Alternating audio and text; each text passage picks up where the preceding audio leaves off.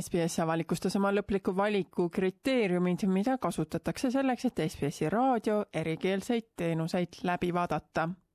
eelmise aasta lõpus saabus kuulajatelt, valitsuselt ning SBS-i töötajatelt avaliku arutelu perioodi jooksul kokku üle kuuesaja ettepaneku lõplikud kriteeriumite valikut kasutatakse otsustamiseks koos kahe tuhande kuueteistkümnenda aasta rahvaloenduse andmetega, kus selgub, millised SBS-i raadiosaated peale kahe tuhande seitsmeteistkümnendat aastat eetrisse lähevad peale kuid kestnud konsultatsioone ja ülevaatamisi on välja kuulutatud SBS-i raadiokava uued kriteeriumid.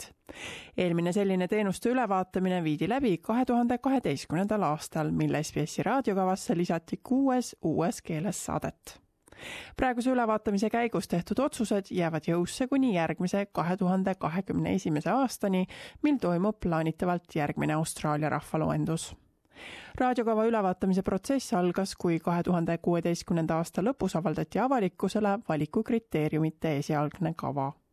sajad ettepanekud, mis SBS sai, puudutasid kaheksakümmet eri keelt.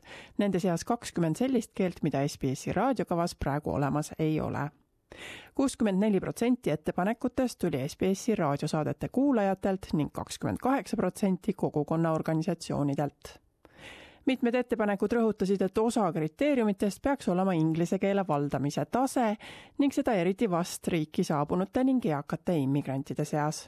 SBS-i raadio sisujuht Mark Cummins ütleb, et kogukonna inglise keele oskus võib tegelikult olla madalam, kui varem arvati. Therefore, a lot of people do need help in understanding some of the complex issues of the daily life in Australia. So we've looked at that and we've upped the weighting this time around to make sure that we capture that need. We've also looked at things like recentness of arrival.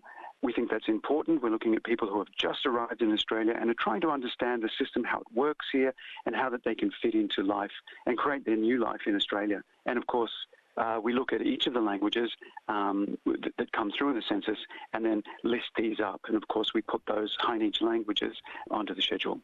Samuti võeti arvesse keelegrupi inimeste vanust, kuna mõndadel vanematel immigrantidel on inglise keele rääkimisega raskusi ning nad hakkavad rääkima oma emakeelt.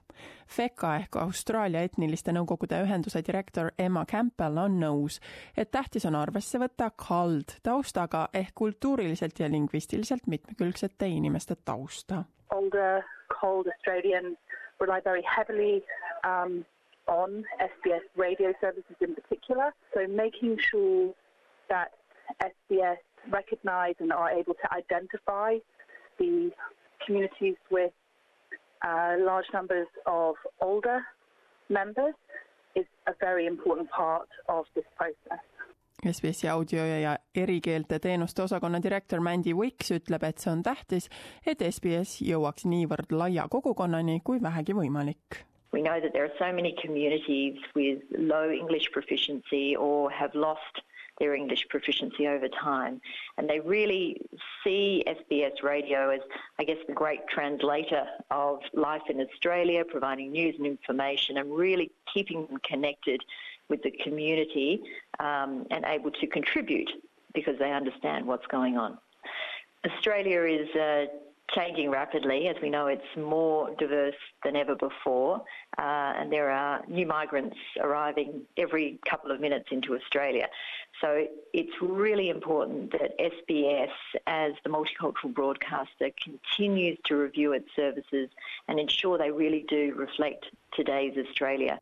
Avaliku arutelu käigus saadetud ettepanekud käisid veel välja selliseid kriteeriumeid nagu kultuuride ning keelte säilitamine, laiali valgunud kogukondade prioritiseerimine ning keskendumine sellele, kui paljud inimesed konkreetset keelt praegu õpivad. Need kriteeriumid viiakse ellu koos kahe tuhande kuueteistkümnenda aasta rahvaloenduse tulemustega, mis avalikustatakse aprillist kuni oktoobrikuuni. Mark Cummins ütleb, et SBS-i raadio peab muutuma, nii nagu muutub ka raadioteenuste kasutajaskond we have a great opportunity every five years to have a look at the census and really take the information that we get there to be able to understand the community, the demographics, the size, as we said, English language proficiency, how long they've been in the country, how old uh, the community is in general. And that can help us tailor make the services and the programming that we provide for them. It's a way for us to really go through a renewal every five years. Doktor Campbell Fekast ütleb, et SBS pakub kõigile austraallastele hindamatut teenust. SBS is critical for settlement, it's critical for language maintenance, it's critical because we want to make sure that migrant communities access their news and their information through a local service provider and not always refer to news providers and media providers from their country of origin um, because it makes them feel included in Australian society and, and SBS has been at the forefront of promoting inclusion. Um, but I think also SBS is becoming very relevant to a broader Australian society in celebrating and promoting multiculturalism. I mean, we're really grateful to SBS